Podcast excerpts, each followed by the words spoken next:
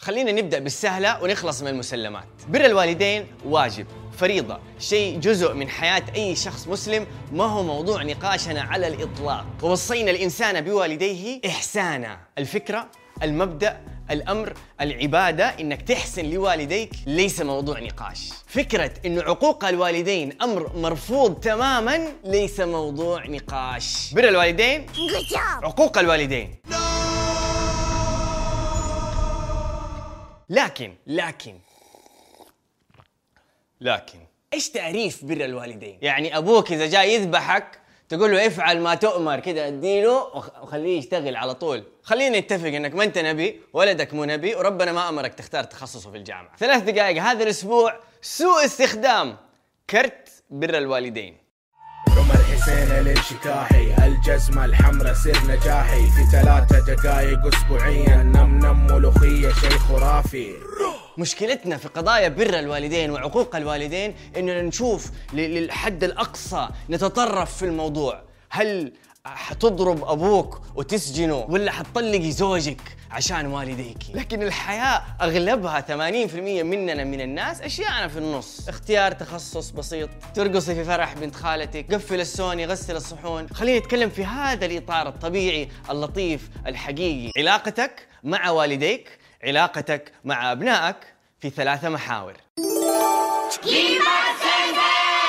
المحور الأول ما يخص حياة الوالدين. هنا في بر والدين عقوق والدين اللي هو وظيفتنا الأساسية كأبناء إنه نأمن لوالدينا آه، ما يخص حياتهم الشخصية، سواء كانت متطلبات مادية، أكل، مشرب، سكن، أو متطلبات نفسية، حسن العشرة والكلام والتواصل والزيارات أو حتى العيش في نفس المكان عشان إيش؟ يكونوا سعيدين من ناحية نفسية أيضا.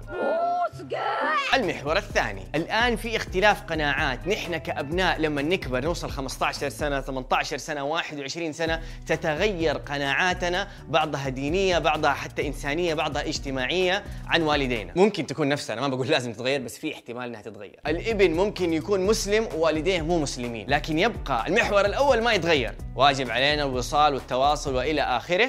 لكن قناعاتك هي قناعاتك. هذا لا يعني إنك تخش البيت تقول هلا بالكفار إيش حتتغدوا اليوم؟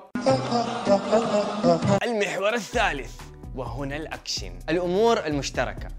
تخصص الجامعة اختيار الزوجة تسكنوا فين؟ قرارات تخصنا نحن كأبناء لكن هي تؤثر نوعا ما على الوالدين. لو قلنا قرار اختيار التخصص آه، يمكن 80% يأثر عليك 20% على الوالدين. لو أنت قررت تصير مخرج سينمائي فقير شحات العشر سنين الجاية برضو والدينك شوية حينزعجوا إنه ولدهم ماسك كاميرا قاعد يجري في الشارع. أنت فضلتي في اختيار الزوج هذاك الفقير اللي دائما عنده مشروع بس ما عمره نفع. لكن عيونه زرقاء أو أو دمه خفيف أو ما أدري يعرف يرقص كويس. الحل الأمثل في الحياة المثالية في يوتوبيا يكون في حفاظ على التواصل والاستشارة والمشورة والإقناع والوصول لنتيجة مع بعض. لكن في احتمال إنه هم كذا. ما حيتغيروا ما حيقتنعوا. هل هو من عقوق الوالدين إنه أنا أختار التخصص اللي أنا يعجبني مع احتمال إنه أهلي ما يعجبهم؟ بكل أريحية أقدر أقول لا. من غير ما يأثر على العلاقة الأساسية اللي هو حسن الوصال وتأمين الأساسيات والمتطلبات اليومية اللي هم المفروض يستحقوها مننا بلا فضل ولا منا من الأبناء. لكن تخصصك زوجتك. آه لكن تخصصك زوجك زوجتك قراراتك حياتك مسكنك هو يأثر عليك أنت. إذا آخر المطاف مع كل الحوارات ما رضوا يقتنعوا فلا غبرة عليك. أنا مجنون.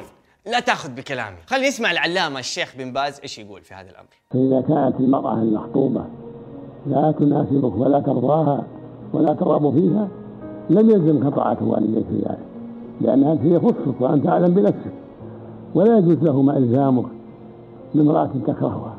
خلاصة القول. بر الوالدين فيما يتعلق بهما لا بك.